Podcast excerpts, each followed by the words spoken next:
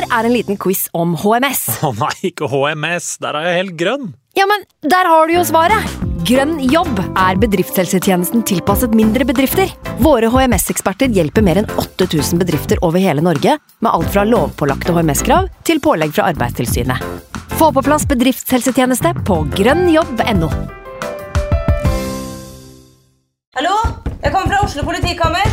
Ine Jansen er purk. Er du purk? The motherfucking bitch. Alt jeg vil, er å finne ut hva som skjedde med mannen min. Jon Carew. Er jeg sikta for noe? Iben Akeli. Det er du.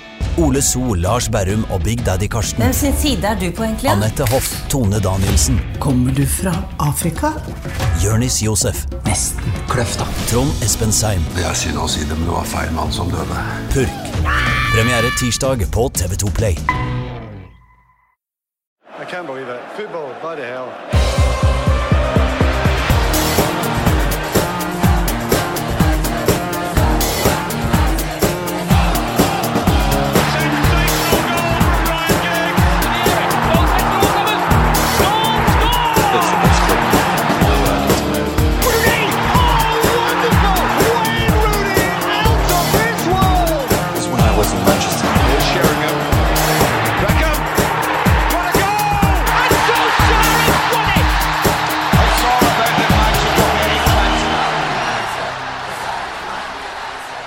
Velkommen til sesongens første utgave av United We Podcast. På fredag sparkes Premier League i gang igjen på Old Trafford. Ikke eh, en dårlig start på en ny sesong, det. Men hvordan er forventningene til Manchester United? Er vi fornøyd med hvordan de har gjort det i transfervinduet, hvordan preseason har gått? For å diskutere alt dette, så har jeg i dag med fra eh, United.no og United supporterklubb Eivind Brennhoft Holt. Velkommen. Takk for det, hyggelig å være tilbake. Du har jo vært og fulgt United eh, gjennom preseason. Du har vært på en liten USA-turné sjæl og greier. eh, så vi skal komme litt tilbake til det. Ja, det må vi. Og så har vi jo Jonas Giæver, nå mer fotballekspert enn noen gang. Twitter-guru og TV-profil. Har du også blitt nå? Ja, jeg har visst det. Ja. Eh, Gud bedre for en intro det blir. Det blir bare bedre og bedre, Ken. Ja, ikke sant. Nå er du jo mer og mer profilert. Du pleier å være på Begynt å dukke opp i Viasat-studio med jevne mellomrom. Ja, stemmer, stemmer forholdsvis greit, det. Ja, eh, har veldig god koll på eh, det som skjer på transfermarkedet. Det skal vi selvfølgelig snakke en del om i dag. Um, og er jo fortsatt uh, først og fremst Manchester United-supporter, selv om du liksom er kjent for å være god på spansk fotball også. Ja, det er vel uh, en, uh, en ganske dårlig bevart hemmelighet at eh, hjertet mitt står i rødt, ja. Eh, litt, eh, litt kritisert for det det siste at jeg ikke sier ting som vi, og konstant snakker i positive ordelag om Manchester United, men eh, ja da, det er fortsatt rødt, eh, det hjertet mitt, så det skal ikke være noen noe eh, bekymringer der. Skal vi begynne med litt Det er jo en preseason-pod. Det er jo fortsatt uh, en, uh, noen dager da til det sparkes i gang i Premier League. Eivind, uh, du har jo vært der borte og titta litt på Manchester United. Hvordan var det å være i USA? Det var uh, greit. Det var greit. Nei, det, det var en veldig turbulent, men morsom uke. Uh, man kan si så mye om José Mourinho og måten han opptrer på, men han er i hvert fall ærlig. Eh, Ja. Han sier jo akkurat det, det han mener. Så det betyr at United-fansen veit nøyaktig hva de har å forholde seg til. Eh, de, det er liksom ikke noen tvil om hvor, hva Mourinho ønsker. Vi husker alle David Moyes, han sa ikke det han mente, og det syns jeg var kjedelig. Eh, så på en måte så er det litt befriende at han eh, er såpass ærlig som han er. På den annen side så, så skaper det jo så mye støy at det nå har gått utover på en måte stemninga rundt klubben. Ja. Og det setter jo på en måte laget i et Det legger et unødvendig press på, på spillerne, syns jeg, eh, før seriestarten. De kunne vært en slags underdog og gjort forberedelsene sine litt i det stille. Ja. Latt City og Guardiola på en måte ta presset sammen med Liverpool. Nå er det plutselig alle øyne retta mot eh, United Leicester på, på fredag. Er du litt enig i det, Jonas? Ja, jeg er veldig enig. Det er eh, Alle øyne er på United, men jeg tror ikke bare grunnet Leicester-kampen. Men jeg tror alles øyne er på United med tanke på at overgangsvinduet stenger også nå. Mm. At det er um, nå, er det nå er det grunn til desperasjon. Det, er- Mm. det er lov til å bli litt desperat uh, som United-supporter, og at klubben ikke foretar seg mer og ikke klarer å gjøre mer og ikke får unna den nødvendige businessen, er vel kanskje det, det jeg burde si. Altså det, det startet jo veldig positivt, synes jeg, med Fred inn tidlig. Jogo Dalot syns jeg er spennende når han kommer tilbake. Lee Grant er en ganske solid tredjekeeper. Men Ja. du satt og ventet litt på at det skulle komme inn en høyrekant, en midtbanespiller, en midtstopper. En litt sånn uh, Kalt det statement purchase. da At det Mm. kom liksom inn en spiller som kunne røske litt opp i, i, i laget. Og det har ikke kommet, selv etter et VM der man gjerne er ganske kjapp etter VM og handler eh, de beste spillerne som er der. Uh, men det har heller ikke skjedd, så jeg jeg, eh, jeg, jeg synes United har satt seg i en posisjon som jeg ikke kan huske å ha sett siden Åh, Kan vi gå tilbake til, til David Moyes, da? Til uh, 2013, uh, da Fellaini kom inn siste dag. og United bydde vel så mye som 28 millioner pund på Leighton Baines og Mm. Marwan Fellaini. Og trigget på seg enhver Everton-mann i verden. Men er det, tror du det er litt av grunnen til murringa til Mourinho, eller? At han ikke har fått overgangsvindu og har ikke vært helt som han vil? Jeg tror det er viktig når man snakker om Mourinho-gate, eh, som vi kan kalle det, at eh, man skiller det vi veit, fra det, vi, på en måte, det som er spekulasjoner. Fordi det skrives så vanvittig mye. Det forventes at mediene skal levere eh, to, tre, fire avissider hver eneste dag. Og vi har sosiale medier hvor det, hvor det meldes mye rart. Eh, hvis vi forholder oss til det Mourinho har sagt, så veit vi at han er Nummer én, han er misfornøyd med at klubben ikke har adressert de utfordringene han eh, så fra forrige sesong på overgangsmarkedet. Han ville ha forsterka stallen med, med fem spillere. Han har fått tre, og mener visstnok sjøl at i utgangspunktet så er det bare én forsterkning, og det er Fred. Ja. Dalot er ung og ikke klar ennå, og, og Lee Grant er tredjekeeper. Eh, og så er han misfornøyd med oppkjøringa.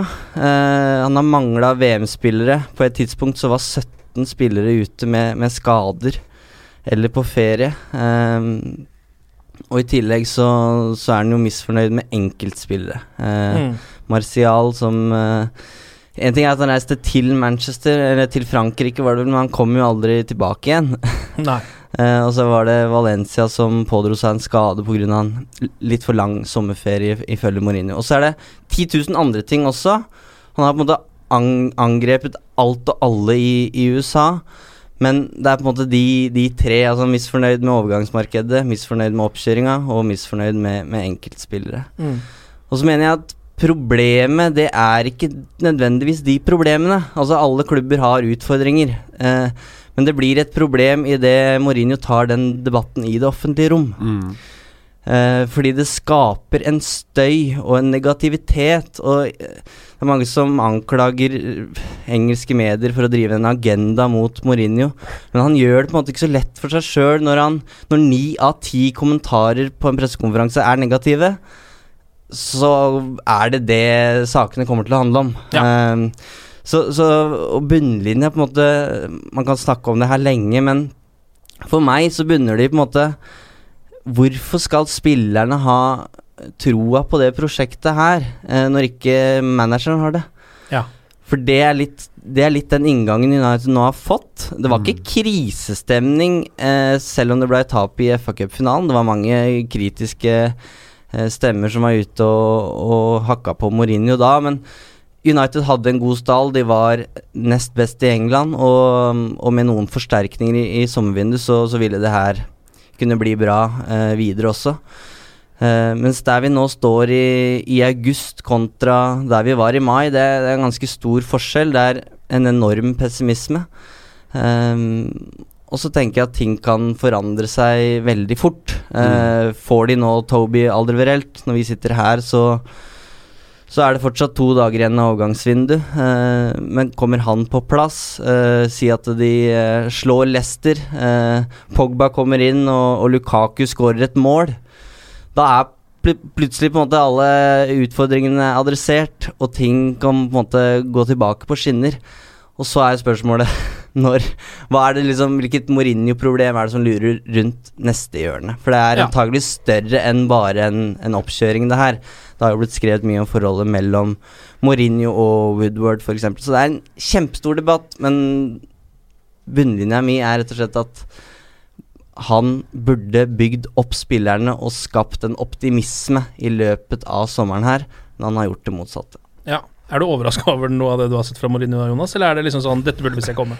Nei, det er typisk Mourinho. Det jo Men det Mourinho gjør, da, og som Mourinho har gjort i alle øhm, alle lag Nå skal jeg prøve å ikke bli for langfattet her, men øhm, han er veldig kjent for det å, å, å ta spillerne eh, i pressen og være, være, åpen om kritikken rundt dem. Det har han vært i alle lag han har vært i. Altså Helt tilbake fra Porto-tida så har han slaktet spillerne sine i, i, pressen. Men det Mourinho nå må gjøre, eller nå nesten må innse litt, er at det, dette er en ny generasjon fotballspillere. Dette er en ny generasjon mennesker som kommer Uh, kommer opp nå, og der er man dessverre litt mer sensitiv innimellom. Det er litt sånn det har blitt uh, med veldig mange mennesker, og det ser vi jo i andre samfunnsdebatter uh, og andre sammenhenger generelt, at folk er blir mer Vi bruker buzzwordet 'krenka'. Ja. Og, og, sånn er det litt, litt, mer på verdensbasis også. Og da er ikke Mourinho noen god man-manager. Han er ikke noe flink hvis folk blir krenka veldig fort, slik de virker som som de blir. Altså Se på det Inter-laget han hadde, som gikk og vant alle trofeer i verden. Han var ute og slakta spillerne i media der. Satt og lo av Samuel Eto'o som bomma på sjanser og sånt nå, underveis i kamp. Ja. Hadde han gjort det i United, så hadde altså pressen hadde Altså De hadde halshugget han, og spillerne hadde begynt å Det hadde begynt å være ryktet om murring, og at spillerne syntes det var dårlig gjort. Og Se på det Luke Shaw-opplegget og sånt, da, hvordan han har tatt han mye i pressen, f.eks. Så jeg tror at Mourinho, eh, litt ulikt Pep Guardiola, ikke har klart å omstille seg det at vi er i en ny verden med, med nye mennesker som eh, fattes på en ny måte. Han har vunnet og vært suksessfull med sin måte å gjøre ting på, og forventer at folk skal eh, tilpasse seg ham, men at han må tilpasse seg dem. Og det begynner vi å se uh, nå, at det tærer litt på omgivelsene han er i. Og det, det er jo typisk Mourinho at det, til syvende og sist så tærer det på omgivelsene, og ødelegger for han, ødelegger for det laget han er i. Uh, men så er det litt det også med at skal Mourinho Han snakker om at han hele tiden har blitt mildere, og at han hele tiden har blitt enklere å, å hanskes med. Og hvis han skal vinne over dette United-laget her og, og, ha en suksessfull sesong, så må han finne en måte å gjøre det på igjen. Fordi når du har på Pogba, som i dag har det vel kommet Eller i går eller i dag så har det kommet nyheter om at Mino Raiola har tilbudt han til Barcelona, og Barcelona har bydd 50 millioner pluss André Gomez og pluss Jeremina. Mm og det skal visstnok være fristende for Pogbas del, da, mm. da, er det et, uh, da er det et problem som, som jeg tror går, går lenger enn bare en posisjon i laget. Da er det et problem som uh, til syvende og sist hviler med, med manager, og hviler med det forholdet de to har seg imellom. Og da er det nok mer alvorlig og mer uh, ja, altså skummelt av Uniteds del enn det det kanskje har blitt uh, dysset ned som tidvis. Mm. Og bare for å skyte inn, jeg syns det er veldig interessant det psykologiske aspektet ved Mourinho, og kanskje ja. nettopp derfor så er det så vanvittig viktig at han Kanskje han skjønner det sjøl også, at det er viktig at han får de spillerne han vil ha. Mm. Fordi han kan ikke håndtere alle. Luke Shaw passer ikke Mourinho. Henrik Mkhitaryan passer ikke Mourinho, Nei. men det gjør Zlatan. Det gjør forhåpentligvis Alexis Sanchez, og det veit vi at Materazzi gjorde. Og det er, det er, de spillerne han må ha. Han må ha de som er knallharde i huet, og som på en måte tåler å bli stramma opp i garderoben. Den gamle skolen, litt hardhuda spillere. Ja. Ikke de nye myke millennialsa. De kan han, kan han ikke takle. jeg har snakket, jeg har snakket uh, mye om han denne sommeren, her, men se på Ivan Perisic, da. Det er, og, og Maro Mandzukic. Altså, dette er to karer som har vært kobla til United. Og man, hvorfor det? Hvorfor det? Og de to er ikke gode Eller ikke gode nok for United. Mm. Men de har det der i skallen med at det dytter du litt på dem, så dytter de hardere tilbake. Og Hvis man er kritiske mot dem, så skal de bevise for deg at de, at de er gode nok. Altså Mandzukic og Perisic har gjort det i alle klubber de har vært i. William også, til syvende og sist, ble jo veldig sånn i Chelsea at han ble mm. mye kritisert. Og så skulle han vise at han var, eh, var bedre enn som så. Så jeg, jeg synes Mange snakker om at United henter ikke ungt og henter ikke fremadstormende. Men det handler litt om at Mourinho kanskje sliter med å jobbe med karakterene. Sliter, det er ikke det at han ikke syns at unge spillere er spennende, men han ser kanskje ikke det Uh, de karaktertrekkene da, som, vi, som, vi, drar frem her i de spillerne. Uh, jeg synes det er litt påfallende at, at, han henter enten portugisere, som kanskje er litt av den samme kulturbaseringen som det han er, eller spillere fra den portugisiske ligaen, eller at han henter spillere som har vært gode på verdensbasis over lengre tid. Sanchez, Pogba Ja, etablerte eh, spillere. Etablerte spillere, definitivt. Så, så jeg synes eh, Jeg synes det er en klar transfer-politikk der. Uh, og det tror jeg handler om at Mourinho må finne typer som han tror han kan uh, Som kan levere for ham både på banen, men også som ikke tar seg nær av det når han, uh, han slakter dem i, i pressen eller på mm. trening. Mm. Vi skal snakke mer om transfers også, Jonas, straks. Ja. Jeg bare tenker, Eivind, hva av det du så i preseason, i sesongoppkjøringa, treningskampene, da hvem, Hvilke spillere syns du har levert? Eh, hvilke spillere har underprestert? Hva, liksom, hva er totaloppfatningen av det du har sett der borte? Totaloppfatningen er vel at det ikke var eh, all verden, eh, for å ta det først. Det er den svakeste sesongoppkjøringa United har hatt siden 1986. Ja, altså Resu- resultatmessig. resultatmessig, Mm. eh, og jeg tror ikke, kanskje ikke Mourinho føler at han har fått så mye mer ut av det heller.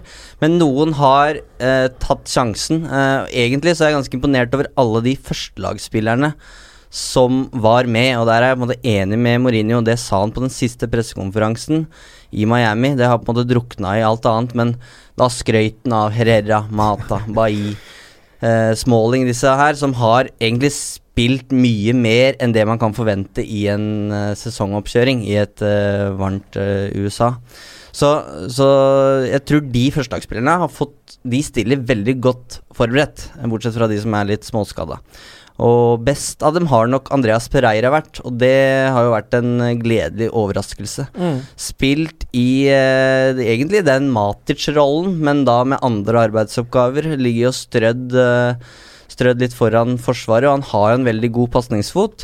I tillegg så syns jeg han er en annen spiller enn den vi så som reiste, reiste til Spania for to, to år siden. Det er en spiller som jobber for laget, han takler, og han har skjønt at han må jobbe begge veier for Mourinho. Han kan ikke bare strø de Hollywood-crosserne. Så han er altså den som har spilt mest, så jeg tipper han starter mot uh, Leicester. Alt annet vil, vil overraske meg. Um, Du som følger spansk fotball tett, eh, Jonas. eh, Hvordan har han vært i Valencia de siste par årene? Andreas Pereira? Han Han har spilt mye? Ja, han har spilt en del, men han har variert veldig prestasjonene sine. Han har gått fra det helt ekstreme. Uh, Valencia på, uh, på høstparten i fjor var jo helt vanvittig gøy å se på. Da var det jo som han snakket om at de kunne utfordre om tittelen. Uh, han startet ikke hver kamp da. Han kom mye inn og var veldig bidragsytende og kanskje hadde noen målpoeng mot slutten av kampen når lag ble slitne. Men de gangene han startet, så var det tidvis hvor han ikke klarte helt å henge med. At han ikke kom helt inn i kampbildet. Så og Da spilte han jo mer i en slags kantrolle også, hvor han på en måte trakk innover i banen. Så det kan jo være at han Og dette har jo vært argumentet mot Pereira i mange, i mange år nå, at han ikke har hatt en posisjon. At man ikke har helt visst hva er det han egentlig er. Er han en wing? Er han en sentral midtbanespiller? Er han en defensiv midtbanespiller? Offensiv midtbanespiller? Så hvis han har funnet rollen sin litt i uh, Carrick-rollen, da, kan vi jo si. For nå har jo Det går jo Dette har kanskje du sett, uh, Eivind, men uh, det snakkes jo om at Michael Carrick har tatt han litt under vingen sin og prøver å instruere han og gi han instrukser i hvordan den rollen skal spilles best mulig. Og hvis det er planen til Mourinho og, og kanskje Carricks lille, lille Hva skal jeg kalle det for noe? Hjertesak nå, Mm. så er det jo veldig veldig positivt og veldig spennende. Men, men det avhenger jo av det at uh, Pereira får muligheter. Men nå har han jo vært overalt og prøvd seg i ulike klubber og eh, vist eh, prov på at han har et nivå som er veldig veldig høyt, men at han må klare å holde det over lengre tid. Men da må han spille. Ja. Og får han ikke det i United nå, så tror jeg, da tror jeg dette er siste sesongen hans i United. Jeg tror det er helt avgjørende det året her. Jeg tror det krever tålmodighet fra um, Pereira. Han må tåle å sitte på benken en gang iblant. Mm. Og så må det må det være Altså må Mourinho på en måte være tøff nok til å bruke den innimellom. Ja. Det kan ikke bare bli ligacupkamper på Pereira den sesongen her. Nei. Men så må, må man på en måte spørre seg om man egentlig trenger Matic hjemme mot Cardiff f.eks. Mm. Kan man da bruke en Pereira som kanskje kan uh, bidra litt til det offensive spillet fra dypet? Så jeg tror de kampene der, hvis man tør å bruke Pereira i de kampene der, med Pogba på den ene sida og Fred på den andre f.eks., så, så tror jeg han kan få en fin sesong. Hva med Alexis Nei. Sanchez, da? Eh, har han Ja, han er nok nummer to. Ja. Kommer inn som et friskt pust i kamp nummer to der etter litt visumtrøbbel. Eh, og har egentlig vært uh, den som på en måte Han satte på en måte det United-laget litt i gir, følte jeg. Eh, jeg savna jo litt energi i vår. Eh, ikke helt den Arsenal-spilleren vi har sett, følte jeg. Han var ikke så direkte. Eh, nå har han spilt på topp. Eh, og det jeg har sett der, har jeg likt veldig godt. Nå er han tilbake på venstrekanten mot Bayern München. Uh, United ble pressa lavt hele matchen, så det var ikke mye vi så til han da, men Da var han- han kaptein også, faktisk. Ja. ikke sant, så han tror jeg blir uh, viktig i sesongstarten, og så har Erik Bailly vært veldig god eh, bak der. Men sitter alltid nede en ti minutter i løpet av kampen fordi han er småskada. I Miami så fikk han en ball uh, midt i bjellene, og det tror jeg jaggu han gjorde i München òg. Ja, så han det så sånn ut. tar et skikkelig isbad før, uh, før fredag. Men jeg håper han er klar, for han har vært den beste stopperen. Definitivt. Men av de, de kampene, treningskampene jeg har sett, så har de spilt mye 5-3-2. Har de ikke det? Manchester United? Ja, det er mange måter å sette opp de Ja, 3-5-2 kan man kalle det, men det er jo bekker de bruker. Tre så liksom, bak. Ja, Ja. tre bak eh, med to wingbacker og så liksom to på topp. Ja. Er det det som kommer til å være foretrukne formasjonen til Mourinho, tror du? Nei, det jeg- jeg spille tror ikke det. Jeg tror, jeg tror eh, Mourinho prøver å drille inn en 4-3-3. Det handler nok mye om at Fred har kommet inn, og han er nok mer Jeg tror han stoler mer på Fred i den rollen enn han gjorde med Ander Herrera. Så Matic, eh, Pogba, Fred er vel det vi Det er det vi antar blir eh, treeren på midten. Grunnen til at han har lagt om bak, tror jeg rett og slett handler om fordi han har hatt så eh, få førstelagsspillere tilgjengelig i USA. Så Ja, han, Han han satte sa- opp det han har, liksom. ja, han sa det i Miami. Jeg hadde bare én stopper tilgjengelig, og derfor brukte jeg tre. Eh, fordi det gjør det litt enklere å forsvare seg med tre stopper, antageligvis. Da var det jo Scott McTominay og Ja. Fosumensa som spilte stopper, og i neste kamp så var McTominay spiss. Mm. Så det sier jo litt om utfordringen her, og det er, nå, må jo nevne at Tai Chong eh, hadde et, var et veldig friskt pust i den første kampen, og eh, Angel Gomes har fått litt spilletid, men Ehm, jeg tror ikke han stoler nok på de ennå til å på en måte eh, kjøre på framover i en vanlig 4-3-3. Jeg tror det er grunnen til at han uh, ja, sikra litt bakover, først og fremst. Mm. Mm. Hva med uh, Fred, egentlig, for de som uh, ikke har sett han spille? Hva vet vi om han, da? Har du sett han særlig, Jonas? Så det er mye i- Champions League, da. Ja. Det er, altså jeg ser mye fotball, men det er eh, litt begrensa hvor mye ukrainsk toppserie jeg ser. Um, spilte jo ingenting i VM. Nei. Så, men han er en han, han blir på veldig mange måter sammenlignet som en sånn Canté light. da At Mm. han er litt overalt og, og kan gjøre begge, både jobb offensivt og defensivt. Uh, venstrefota, som jeg syns er veldig interessant. da At um, man får inn kanskje en venstrefota på, på den høyresida som kan spille opp uh, Pogba, spille opp uh, Lukaku i, i bedre posisjoner enn en, uh, kanskje Herrera f.eks. har gjort. da Og mer eh, dynamisk enn det Matic er. eh, Mm. som, så han kan være høyere i banen når han slår de pasningene, så avstandene ikke blir så, blir så store. For det har jo vært et problem i United, føler jeg, at pasningsavstandene har vært så store at du står og triller og triller og triller på midten til slutt. Mm. Så han kan bidra med noe, noe veldig dynamisk og være, være tilstedeværende i langt større grad, kanskje. Um, så jeg er veldig spent på hvordan planen er at United skal sette det opp. Om, om han kommer inn for å skape en treer, så Pogba kan få være den ene indreløperen, eller om han skal være en av to dype sammen med ja, enten Pogba da, eller Matic. Mm. Så, så kan da eventuelt Pogba eller type eh, Pereira eller Sanchez eller noe sånt og ligge i den rollen bak, eh, bak Lukaku. Han gir i hvert fall muligheten til å kunne spille i veldig mange ulike posisjoner og mange ulike formasjoner. Um, og det syns jeg er meget spennende.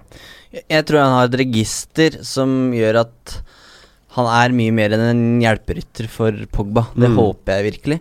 Vi har sett litt av det. Nå starta han faktisk en tierrolle i den eh, første kampen han spilte. Han kommer nok ikke til å spille så mye der, tror jeg.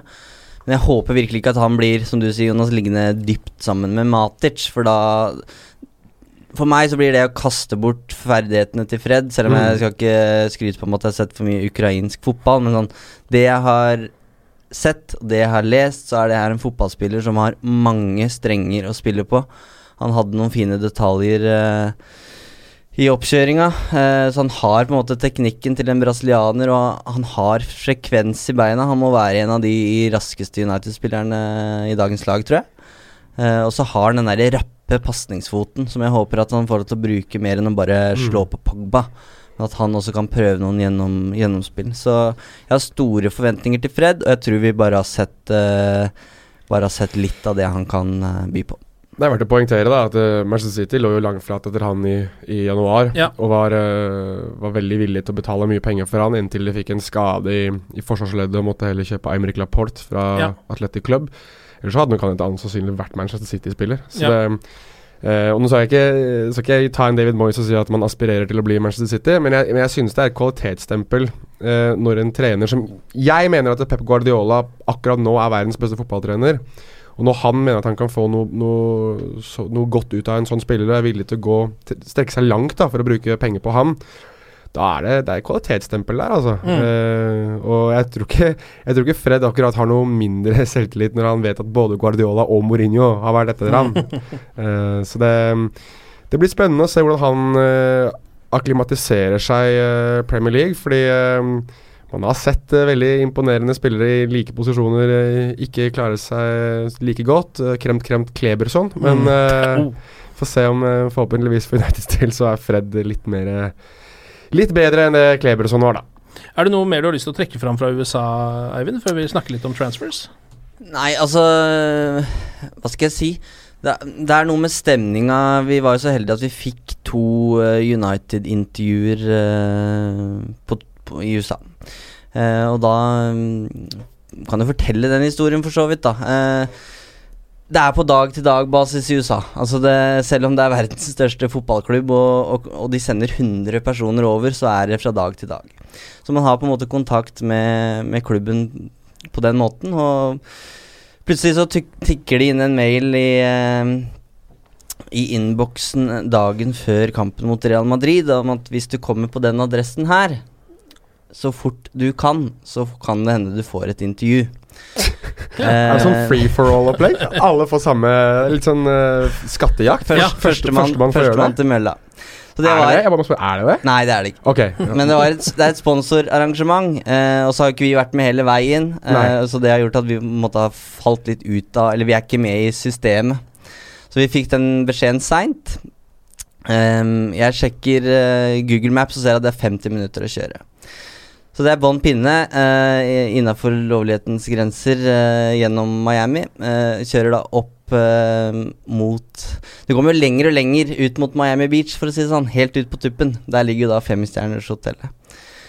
Så jeg svinger opp med leiebilen inn foran eh, lobbyen der, og der er jo sånn valet parking Ja. som de skal ha. Så sier jo han til meg at eh, ja, du, det er, det er 25 dollar her altså for å parkere. Ja, det er greit. Ta nøkkelen. Jeg må inn. Så kom jeg inn, eh, og der er det jo på en måte kaos. Det er jo eh, Spillerne går, eh, går fritt og på en måte har Det er som et norsk pressetreff som Ja, ja. har med landslag og Ja. sånne ting, egentlig. Det er veldig sjelden United eh, rigger i stand sånne ting, men, eh, men det gjorde de da i, i USA. Ehm, så jeg sn- fikk snakke med Fikk snakke med andre Herrera, eh, og fikk et fint intervju med han. Og det er noe med Det er som er poenget mitt. Det er noe med eh, måten han snakker på som er veldig eh, fengslende. Han klarer i hvert fall å overbevise meg om at til tross for alle de problemene her Han sier det er den rareste sesongoppkjøringa han noen gang har hatt. Så tar han meg gjennom lagdel for lagdel, spiller for spiller, og forklarer hvorfor det er grunn til å ha eh, tro på det prosjektet her. Og argumentet hans er jo det at United har så mange forskjellige spillere. Altså, de har en Fellaini, de har Lukaku, Pogba, eh, forskjellige midtstoppere og, og en Matic som kan styre osv. Så videre, sånn. Argumentet hans er veldig godt, og det harmonerer jo med det vi har hørt. Uh, Virka det som han trodde på det selv også? Ja, en tro på at det her prosjektet, brikkene kommer til å falle på plass. Ja. Eh, og som jeg sier, det stemmer for så vidt overens med det vi har hørt om at spillerne er fornøyde. Det er god stemning i garderoben, til tross for at det har vært et, eh, et, voldsomt, eh, et voldsomt kjør. Eh, så Alt i alt så virker det jo som at det er, eh, er god stemning. Vi fikk også et intervju som skal brukes i, i magasinet. Skal ikke røpe helt hvem det er ennå, men der altså får man på en måte et, et inntrykk av at spillerne egentlig ikke, og jeg spurte om det direkte, leser du aviser, følger du med på sosiale medier? Selvfølgelig, det er umulig å ikke få med seg alt som, som skjer, men de er på en måte også i, i sin egen boble, så de, de lar seg på en måte ikke påvirke av det her. Så det var en det var rart å på en måte være kan du si, i stormens øye i USA, samtidig som du skjønner litt at det er, eh, det er nok ikke så fryktelig som, som, mange, som mange tror. For mange vil jo hevde at dette er det første tegnet på, at, på Mourinho-syndromet. At dette er Ja. den tredje sesongen hvor alt, hvor alt går eh, til helvete, at nå, nå går det bare nedover. Men han har fortsatt da tiltro blant spillerne, i det minste, virker det som. da De har troa på prosjektet hans. Ja, Det er jo jævla viktig, det, da. Det, er jo det viktigste. Ja. Eh, så får vi se hvordan det her eh, tar i vei etter hvert. Eh, vi kan ta og snakke litt om overgangsvinduet til Manchester United. Nå var det jo en nyhet allerede Det var vel ja, Jeg husker ikke om det kom i går kveld eller om det var i dag, Jonas. Men Svein André spør her på Facebook hva mener gutta om skambudet på Pogba. Skriver han. Skambudet, det, er jo, eh, det var jo da Jeremina, eh, André Gomez og 45 eller 50 mill. 50 mill. euro. Ja. Det er jo rapportert da, vi skal jo være Det er Gianluca Di Marcio som er veldig, veldig, veldig veldig, veldig god på overganger, eh, spesielt eh, eh, Ja, egentlig, egentlig alle overganger. eh, europeiske. Så kommer det, og da, da tar jeg det for god fisk, men, men Det er jo ikke bekreftet, så la oss, la oss passe på å ikke være for bastante. Ja. Men hvis det, er et, hvis det er et seriøst bud, da Hvis det faktisk har tikket inn på kontorene, så lurer jeg på om det er, liksom, er det en eller annen som har vært på en eller annen sommervikar som har skrevet inn et bud, og så bare sånn oh, dare you to push, dare you to push, og så har noen trykket på knappen bare sånn La oss bare se hva svaret er. Altså, det er jo det er skammelig, altså. Det er, det er nesten frekt. Hvor mye var det de betalte for Coutinho, f.eks.? 140 millioner eh, euro var det som Ja. var rapportert. 105 millioner euro for Osman Dembélé, som Ja. var rapportert. Eh, 50 millioner euro pluss Jeremina, som de har vært åpne for å selge hele sommeren. Og André Gomez, Og som André har Gomez, som de har egentlig ønsket å selge veldig, veldig lenge. ja. Uh, meget god spiller, men har kanskje ikke mentaliteten for å spille i, i Barcelona. Um, nei, det virker, det virker helt merkelig, og jeg skjønner ikke helt hva reaksjonen er de har ønsket seg. Har de ønsket å indikere at, de, at det er et åpningsbud? Har de eh, ønsket å, å reklamere for at de er interessert? Er de Det gir liksom ikke noe mening heller. De kan ikke ha trodd at det skulle bli akseptert. Det er, det er det jeg tenker. Det er Ja. det første jeg tenker. At de kan ikke ha, ha hatt forhåpninger. Um, og så lurer jeg liksom litt på Sitter de og venter til det engelske vinduet stenger før de skal tilbake igjen med en altså, Nei, de det gir rett og slett ikke mening.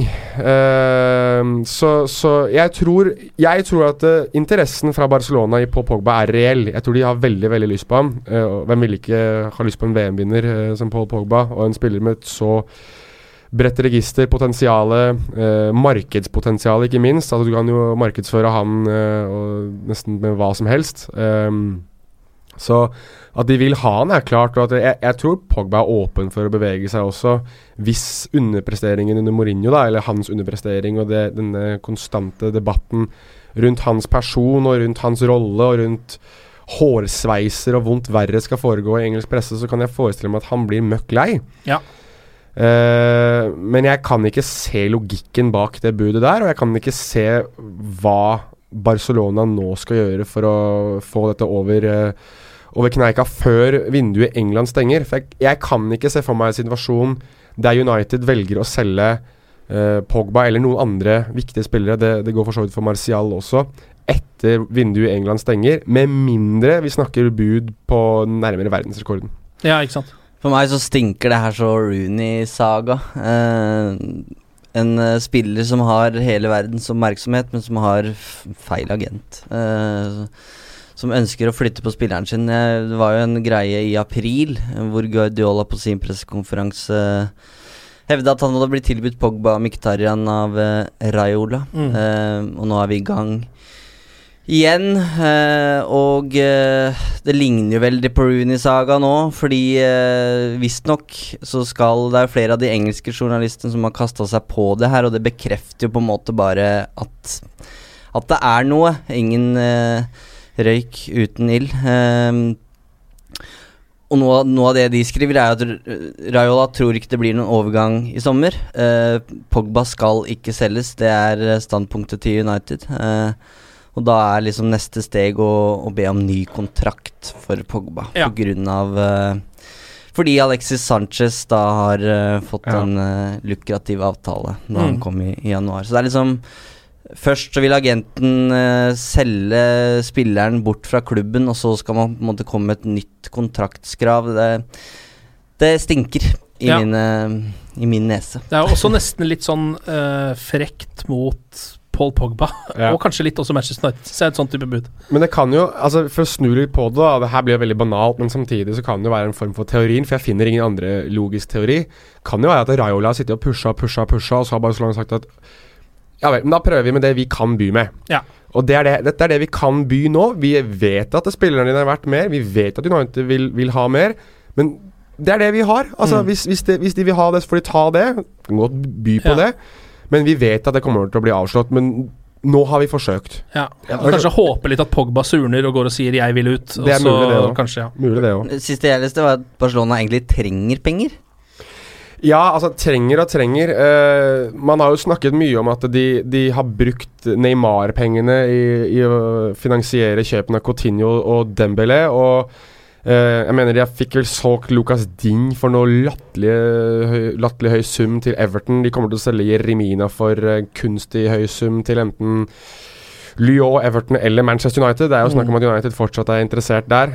Gudene vet hvorfor. Men de, de er gode på å få mye ut av de spillerne de ikke har lyst på. Både de og, og Real Madrid har blitt ekstremt flinke på det. Uh, og så er de signert relativt billig. Uh, Malcolm for 40 millioner euro, var det vel. Uh, Arturo Vidal for rundt 20. Det syns jeg er eh, et varp, hvis Vidal kan Som finne visstnok også ble tilbudt til Manchester United, ifølge ryktene. Ja, der er det lønningene det skal ha stått på, da. Ja. Og at uh, han har uh, en greie med nummer én å være mye kneskada, og, og to at han eh, han lever et ekstravagant liv, kan vi si. Han er glad i bylivet, og det var jo ø, første spøken min på, på Twitter, var jo det at det, det er en veldig det er en bar eller et utested i Barcelona som heter Opium, som er veldig kjent for at Barcelona-spillerne drar dit. Så da sa jeg da at kongen av opium har kommet til Barcelona.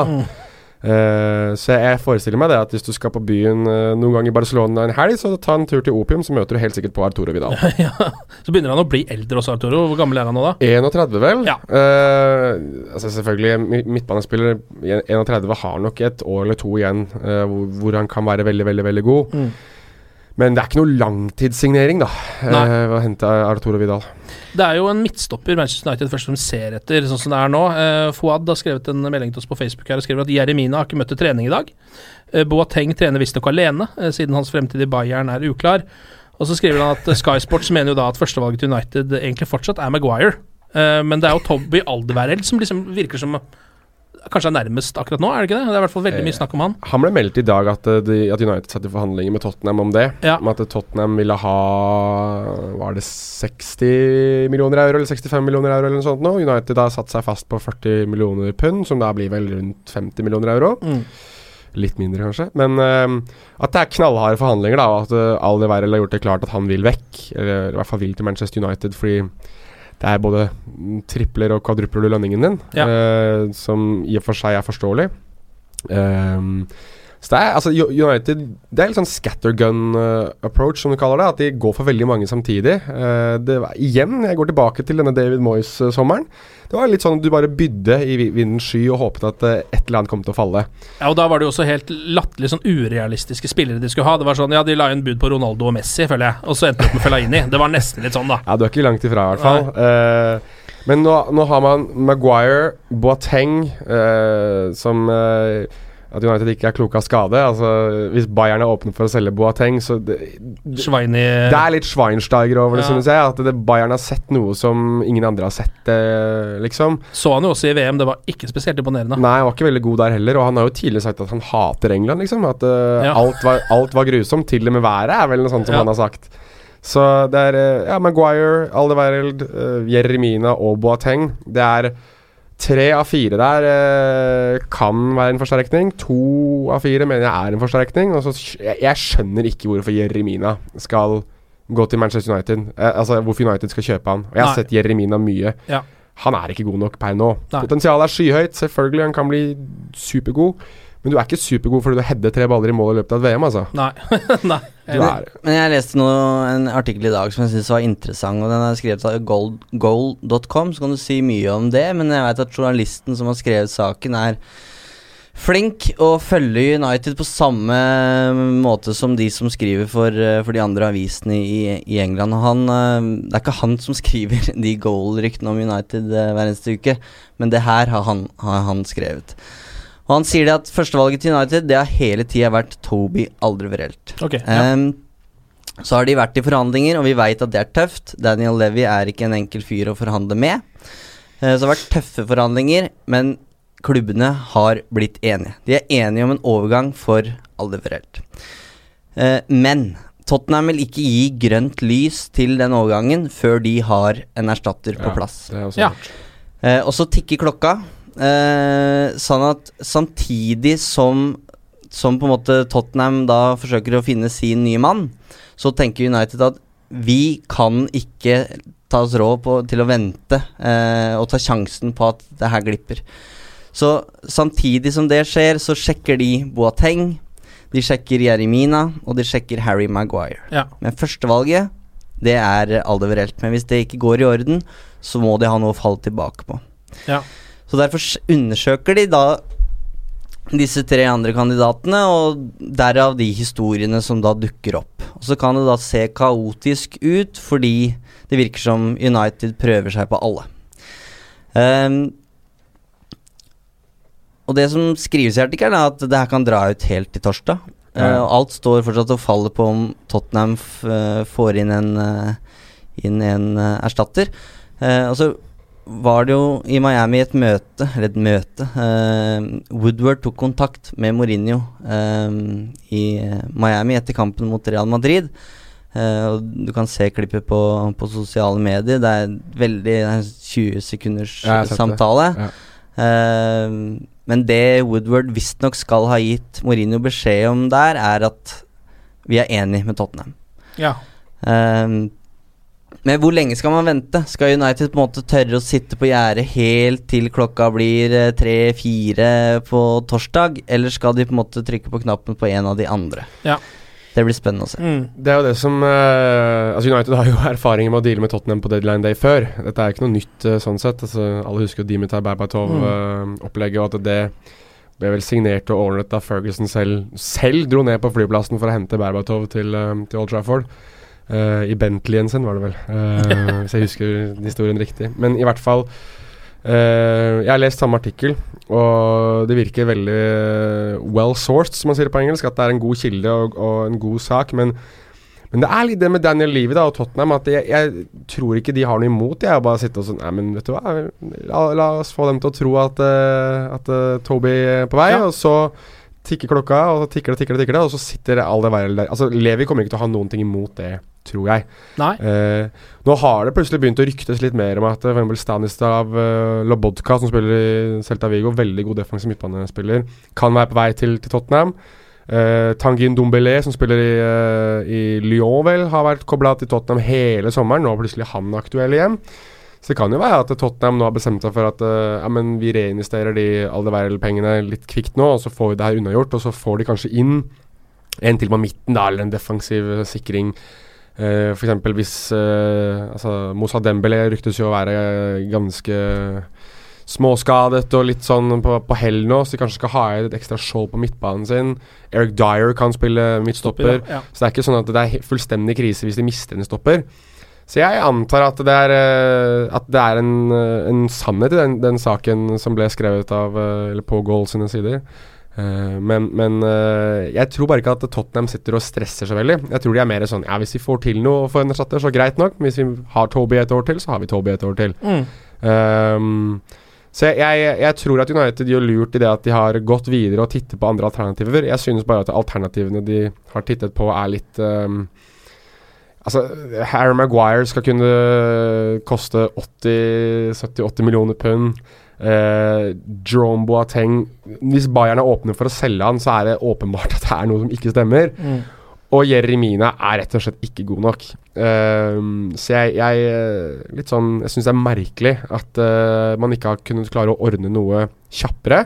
Ja. Eh, og at man sitter nå Og hvis man skulle få inn Aldeverella, så får du også inn en spiller som må bli vant med systemet, eh, må bli vant med spillerne rundt seg, vant med, vant med alt det nye. Selvfølgelig hadde han ikke klart det Uansett grunnet at han har vært i VM og spilt så langt som en bronsefinale at han ikke hadde kommet inn tidligere. Men, men det virker bare ikke godt nok planlagt. Jeg skulle, jeg skulle likt å se at hvis den overgangen var gjort i tidlig i juli, da At Mm. han hadde kunnet mentalt forberede seg på at han skal spille i Manchester United fra og med etter VM. Litt sånn som Fred kunne, f.eks. Mm. Um, så det at man sitter eh, det, skal, det skal jo Det hører med til historien at United var vel blant de lagene som stemte mot det å Mm. stenge overgangsvinduet tidlig. Uh, Så det er jo, kan jo være det at de, de har planlagt for et langt overgangsvindu før dette her ble, ble Ja. ordna på den måten.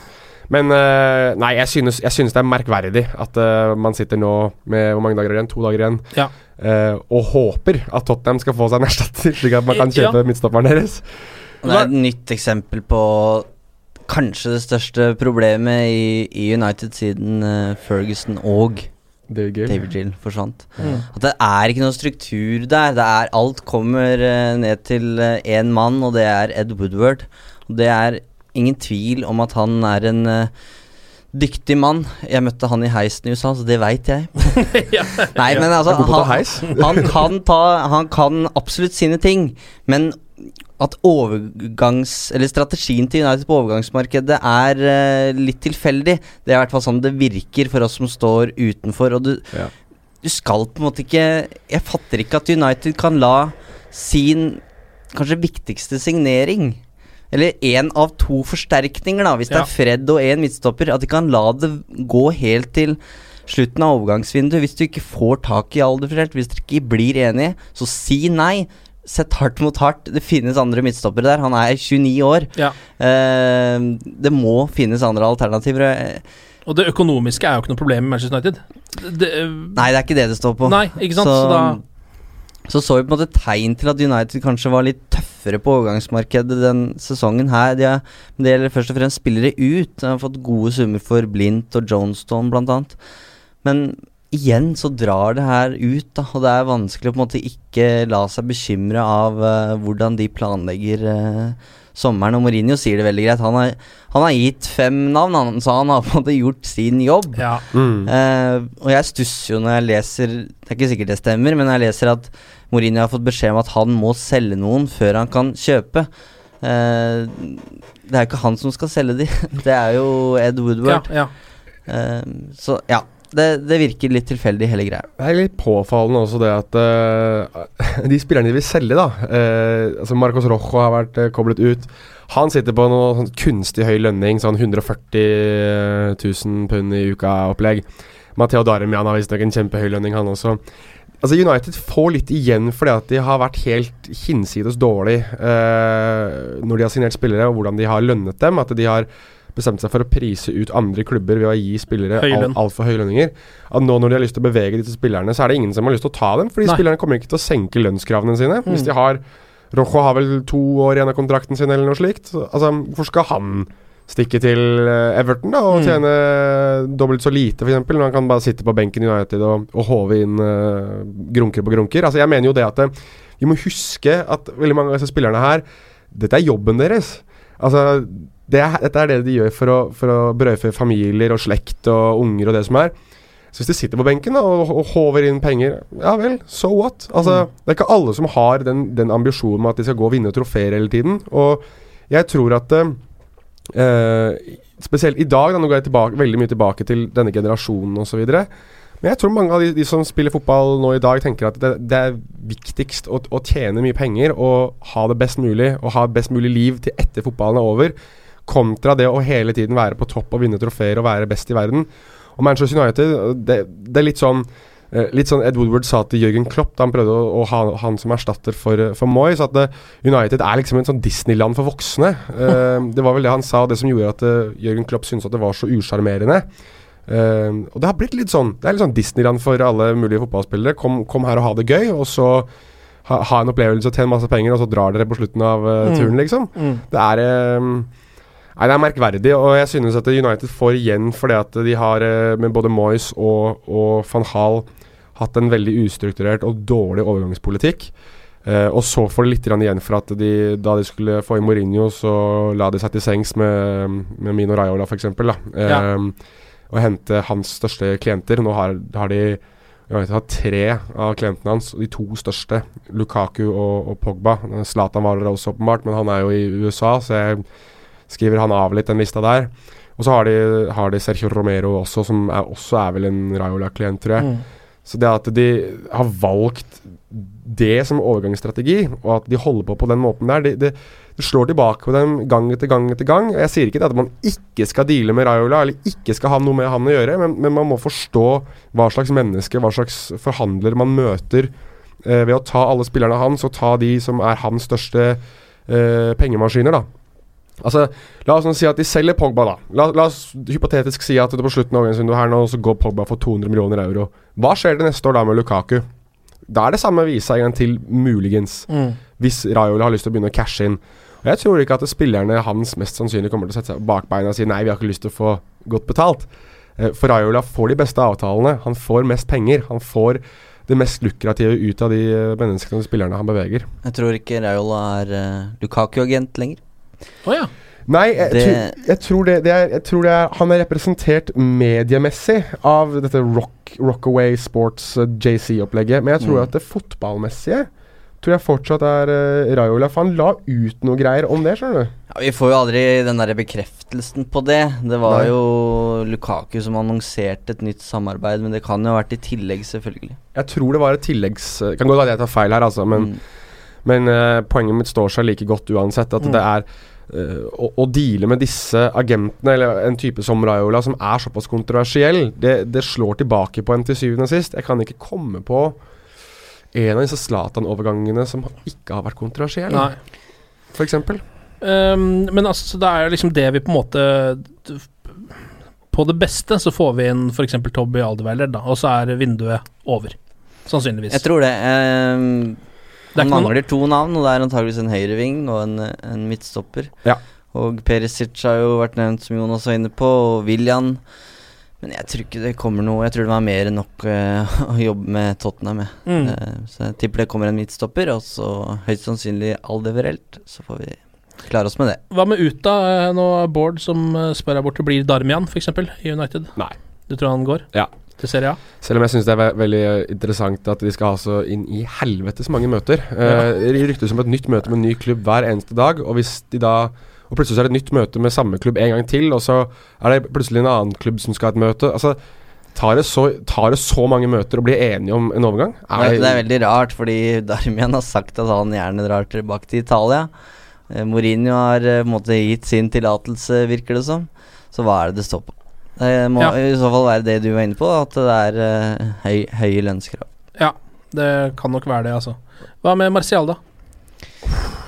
Han blir, tror jeg. Ja, tror jeg tror, ja, jeg tror Hvis det skulle skjedd noe der, så hadde det skjedd noe nå. Jeg kan ikke se for meg at det skjer i hui og hast i, uh, på, på deadline day. Uh, så det blir spennende å følge den sagaen videre, for der har Mourinho vært klokkeklar på at Martial ikke ikke på en måte har gjort det han ønsker. Mm. Og det, da må han på en måte jobbe seg inn igjen, som eh, Luke Shaw har, eh, har prøvd på i sommer. Ja, jeg skulle jo nesten på en måte Jeg eh, har jo hatt veldig troa på Antone Martial helt fram til egentlig ja, det siste halve året, kanskje, hvor han har liksom både falt litt ut av Mourinhos nåde og heller ikke bevist spesielt mye.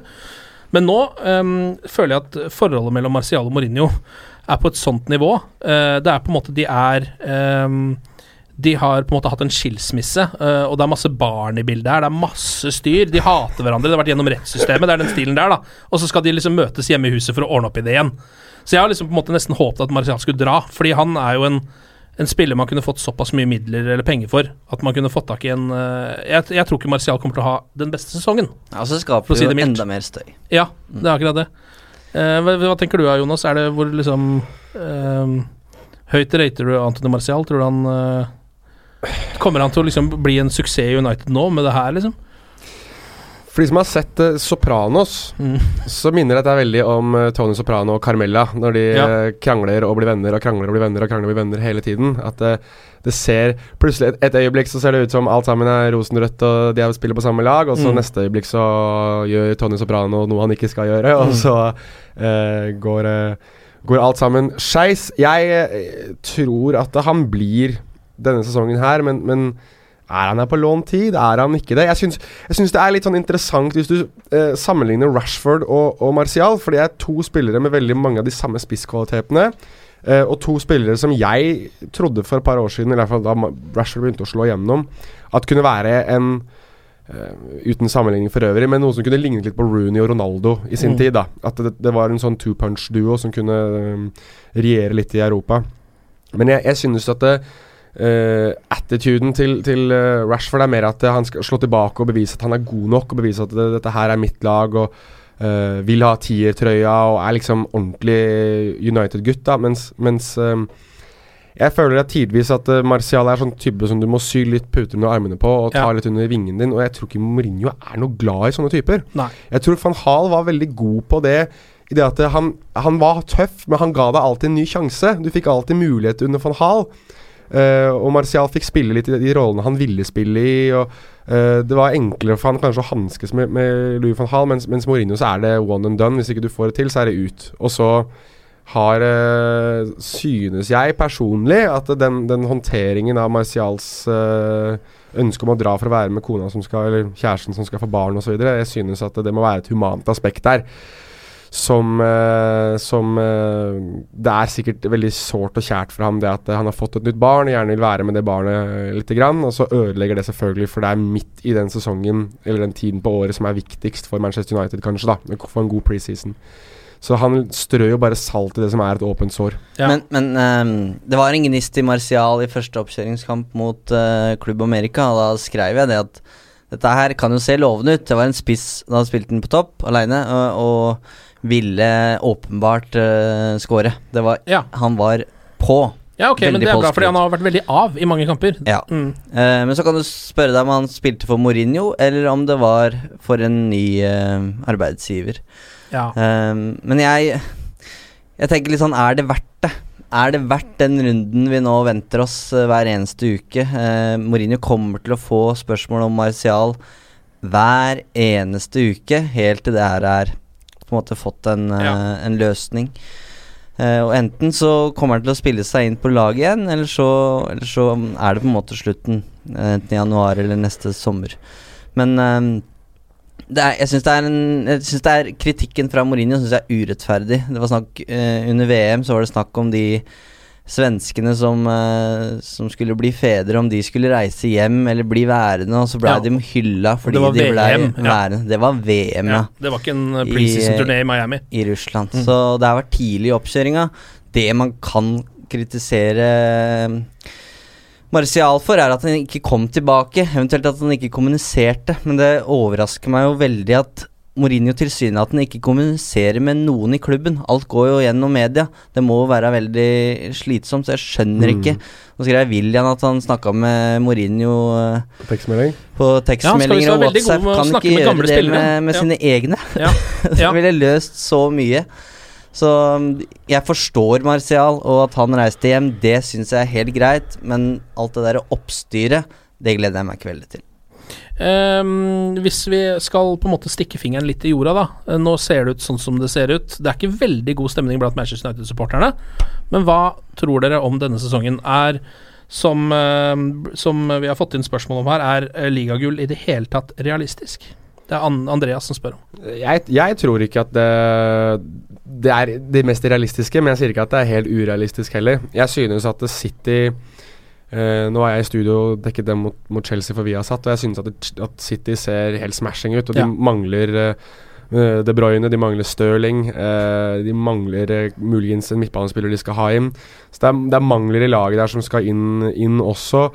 Eh, Liverpool har Altså De forsterkningene Liverpool har gjort, det er uh, heavy De signeringer. har altså. vunnet overgangsvinduet, på en måte. De har det på veldig mange måter. Uh, og så kommer liksom Tottenham og, United litt på de neste plassene hver, da.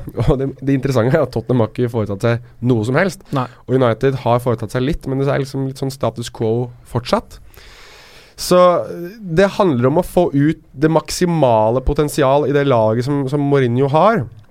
Og Klarer han det, så, så selvfølgelig kan de utfordre om, om ligatittelen, men, men spørsmålet for min del er litt om de er blitt, blitt forbipassert av eh, Liverpool og det de har foretatt seg, og den stemningen som ser ut til å være i Liverpool. og ehm, Si hva du vil om, om den, den klubben der, men at de klarer å få inn riktig personell og klarer å spille en fotball som både skaper entusiasme blant spillere, supportere og, og klubben generelt, det, det har, de, har de klart eh, på en bestelig vis. Eh, mens jeg syns at City er um, ja, det er, det er maskineri, altså. Det, det Pep Guardiola har fått til der, er um, intet mindre enn ekstremt imponerende. Så, så utfordringen tror jeg faktisk er større nå enn den var i fjor. Ja. Det er jeg helt enig i. Eh, det høres kanskje rart ut, men jeg føler Det følte jeg også i fjor. Og kanskje den største muligheten til Mourinho og United til å gjøre det til en god sesong, den ligger i Champions League. Ja.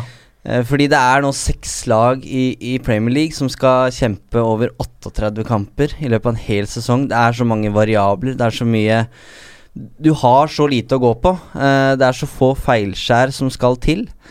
Um, mens i Champions League så kommer du deg gjennom gruppespillet som gruppevinner, så har du en fin vei, kanskje, mm. til en kvartfinale, og da, som du sier, da kan alt skje. Og en med en semifinale i Champions League, så har du på en måte vært med på et eventyr som, som på måte er eh, gir sesongen en sånn uh, fin glasur, selv Ja. om det ikke ble uh, kjempesuksess i, i Premier League. Det som bekymrer meg, det er det jeg nevnte innledningsvis, om at det virker ikke som at Mourinho har trua på det prosjektet her. Han har snakka tidligere om egg og omeletter, at du må ha gode egg for å lage en god omelett. og hvis han nå føler at han starter sesongen med dårlige egg, da blir ikke det en god omelett uansett hvor god kokk, for han er ikke så god Så kokk, rett og slett. Eh, og det handler ikke om ferdigheter, men det handler om hans vilje til å få det til. Og jeg Ja. frykter at hvis han starter sesongen uh, med et lag som han mener ikke er sterkt nok til å utfordre om tittelen Jeg tror ikke Han er ikke uprofesjonell, jeg tror ikke han ikke gidder, men jeg tror han eh, ved et par anledninger i sommer så ha, kan du kan det virke som at han har prøvd å statuere et eksempel, f.eks. ved å bruke Scott McTominay på midtstopperplass, for Ja. å vise at se, dette er vi de stopperne Det, jeg har. har han gjort, det er sånn han har gjort før også. Så Ja. Det er ikke noe nytt at han, eh, at han gjør det. Men jeg syns det er interessant det du nevner om, eh, om Champions League. At det kan være For det har han jo sagt, det er jo et sjansespill. Og hvis det er noe jeg tror United-spillerne er gira på, så er det rett opp det inntrykket fra Champions League i fjor. Altså det derre smått Ja, tooppgjørene makabre to- mot et Sevilla som var i fullstendig oppløsning på et Ja. tidspunkt var Nettopp sparket trener, og det var ikke måte på. Uh, men jeg, jeg eh, Det jeg syns er litt spennende, da hvis vi skal snakke om psykologi litt igjen, er det Mourinho gjør nå. For at dette, jeg tror han gjør de tingene han sier og tingene han gjør, tror jeg er for å skape også en respons innad i gruppa si. Snakker dem ned, snakker om at de ikke er gode nok, snakker om at laget ikke presterer, snakker om at han ikke får inn spillere han vil ha. Det jeg tror han gjør lite grann, er å teste gruppa for å se men kan dere slå tilbake? Kan dere bevise at jeg tar feil? Eh, fordi er det noe Mourinho er glad i, så er det å spille det engelskmennene kaller the pantomime villain. Han Ja. syns at det er gøy å være the bad guy. Ja, ja. Når du står og hysjer på Anfield og Ja. går ut på matta på Camp Nou og feirer seier og sånn. Og han elsker det der med å være drittsekken. Så jeg tror at eh, han håper nok på at hans måte og hans tilnærming å være så negativ og være så Kall det ufyselig da mot, mot spillerne sine. Skaper en gnist innad i troppen om at eh, nå skal vi eh, søren meg vise han der eh, portugiseren at vi er mye mye bedre enn det han tror. Mm. At vi, vi trenger ikke noe Aldeveir, eller vi trenger ikke noe Perisic, noe William, noe én eller to spillere, eller at vi ikke er gode nok. Altså, jeg, jeg tror at det er, det er den måten han ønsker å oppildne laget sitt på. Så kommer det an på da at hvordan, hvordan spillerne reagerer på det, hvordan det mentale er, er innad United. Det, det kommer vi til å få svar på veldig veldig fort i sesongen, tror jeg. Og hvis det går åt skogen, slik det har en tendens til å gjøre innimellom med Mourinho i sesong tre, så er det nok fordi at han har pushet det og, og, og eh, rett og slett slitt ut omgivelsene sine med den tilnærming. Og For å prøve å avslutte på en litt sånn eh, positiv note, da, så snakka jeg med noen av journalistene i, i USA som, som ser Mourinho hver eneste uke. Ehm, og det er også fascinerende å se hvordan de løper etter Mourinho når pressekonferansen er ferdig. Så løper de etter Mourinho for å få liksom, en siste kommentar om et eller annet. Det blir jo mange spørsmål om uh, mye rart i USA, ikke sant. Om, eh, om eh, støtten de får i USA osv. En digresjon, men eh, jeg spurte en av journalistene hvorfor er Mourinho så grinte? Han han veit jo hvilken effekt det her får. Han veit hvor mye støy og hvor mye negativitet det her han, Dette veit jo han. Han har vært manager i så mange år og lagd så mange overskrifter. Eh, og da eh, bare så han journalisten dumt på meg, og så liksom sukker han og så bare Det er sånn han er. Ja. Punktum. Ja. Ferdig. Og det var helt åpenbart at de har gitt opp på en måte forsøke å finne en forklaring på hvorfor han er som han er. Fordi det er sånn han er. Eh, altså, det at han er grinete, det ligger på en måte i hans natur. Og vi Dette har vi omtalt mange ganger. Jonas sa det innledningsvis. Eh, det at det er sånn han er, og han har jo alltid et spill eh, på sine pressekonferanser. Så jeg tror ikke han går ut av pressekonferansen og er eh, grinete og bitter. Jeg tror, han, jeg tror ikke det er den framtoninga han har overfor spillerne sine. Jeg tror han har eh, tror han har eh, gitt Tahit Chong og Gomes og de andre unggutta gode råd på veien osv. Han hadde en positiv kommentar etter Bayern München-kampen f.eks. Så jeg tenk, det er på en måte den litt sånn positive tilnærmingen da, er å tenke seg at det her er et spill, og så kan man argumentere for at det spillet er long gone fordi han har dratt det altfor langt. Den effekten med den derre eh, oss mot dere, den, den er borte fordi det har gått for langt. Men hva som skjer i United-garderoben, hva han formidler til sine spillere, det veit vi ikke. Det kan godt hende han har hatt en helt sinnssyk oppkjøring på i, i, i USA sammen med de. Vi har jo sett noen klipp av at de um, unggutta har hatt karaokeopptredener, ikke sant. Så det, det er jo god stemning. Uh, og det er jo et godt fotballag, uh, men det blir jo veldig Altså, alt er oppe i lufta. Jeg tror ingen sitter på noen svar. Og den kampen mot Leicester blir veldig, veldig spennende å se, se hvordan United går ut der. Eh, Mikkel skriver på Facebook her tredje- eller fjerdeplass, tror jeg. Eh, skal vi få et lite tabelltips for å se hvilke forventninger det er lov å ha til United i år? Uh, Jonas, lyst til å begynne? Nei, jeg vil ikke begynne. Nei, realisten i meg altså, sier at det blir City som vinner igjen. Jeg tror Guardiola Han har et så godt lag, og de har bare blitt sterkere. Og jeg tror Du så det på våren, at han er så god til å på en måte Selv om det da var avgjort, så sparka han på en måte liv i det City-laget på et eller annet vis. Og det, jeg tror han Akkurat som Mourinho så tærer han på omgivelsene sine, men han har en litt sånn positiv go der, som jeg Mm. tror uh, gjør at han pisker dem inn til et nytt ligamesterskap. Og så Jeg liker ikke å komme med tabelltips, for det slår alltid tilbake på deg, men alle har trua på Liverpool, og jeg har fullstendig Jeg skjønner godt hvorfor, fordi de har et så godt lag. Eh, de har på en måte fått inn de brikkene de trengte. Men så er det også veldig typisk Liverpool at de når, liksom, når det endelig da skal være deres tur, når det er de, de som skal utfordre, og de har på en måte alle brikkene på plass Så tryner Gerard midt på banen, Så- og så så- kommer Dembaba, og så er det kjørt igjen. Ja. Så tryner de. Så mm, Nei, jeg, jeg jeg, Pessimisten i meg sier at det blir uh, tredjeplass på United. Uh, og uh, optimisten sier andre. Ja. Mm. Det mellom andre og tredje et sted. Jonas, har du lyst til å prøve det? Ja, jeg skal prøve meg. Jeg har bare satt og så at det meldes i spansk presse at uh, Mateo Kovacic er på vei til Chelsea. Det Å ja. ja, for jeg- så han ville bort. Mm.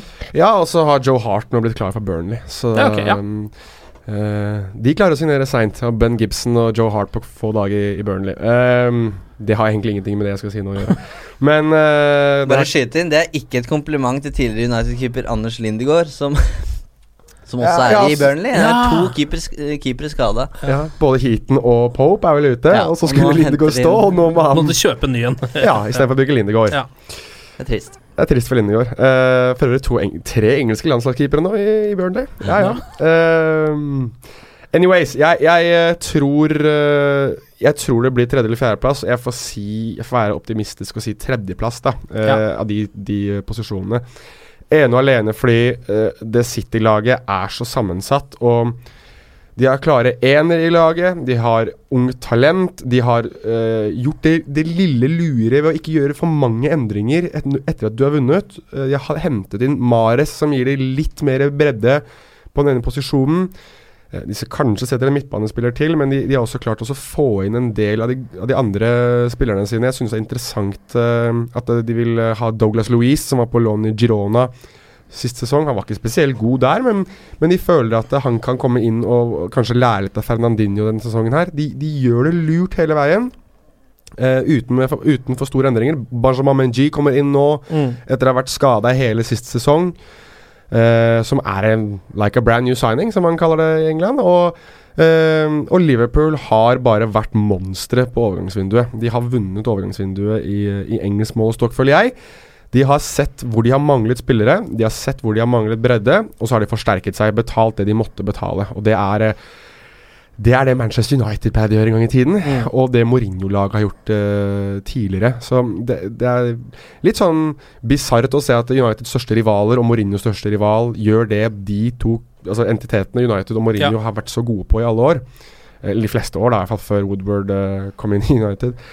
Uh, så de, de tar nok andreplassen. De kan si, til og med kanskje også utfordre om, om, uh, om førsteplassen. Uh, tror jeg. Jeg tror City blir litt for sterke. Når det kommer til, eh, det kommer til de to bak, så, så har Tottenhams første elver Altså Den første elveren de starter med, er på papiret for meg kun Uh, Kun dårligere enn City. Jeg, Ja. jeg synes at de er så samkjørte, så samspilte.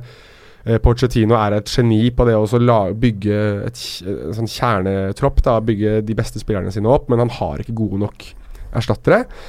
Uh, hvis det skulle være en skade på Harry Kane, så tror jeg ikke Fernando Llorente er god nok, f.eks. Um, det samme går for Eriksen og Deli Alli. Det er liksom Lucas Mora som er Mm. uh, Ok, Honin Song er veldig god, men nå skal han bort for å spille AC-mesterskap allerede nå.